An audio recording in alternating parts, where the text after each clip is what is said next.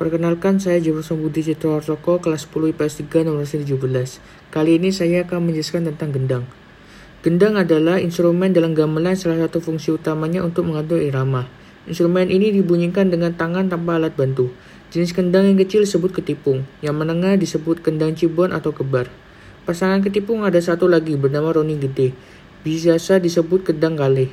Kendang kalih dimainkan pada lagu atau gending keling yang berkarakter halus seperti ketawang gending ketuk kali dan ladrak irama dadi.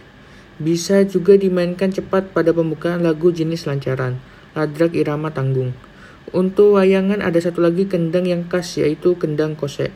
Kendang kebanyakan dimainkan oleh para pemain gamelan profesional yang sudah lama menyelami budaya Jawa.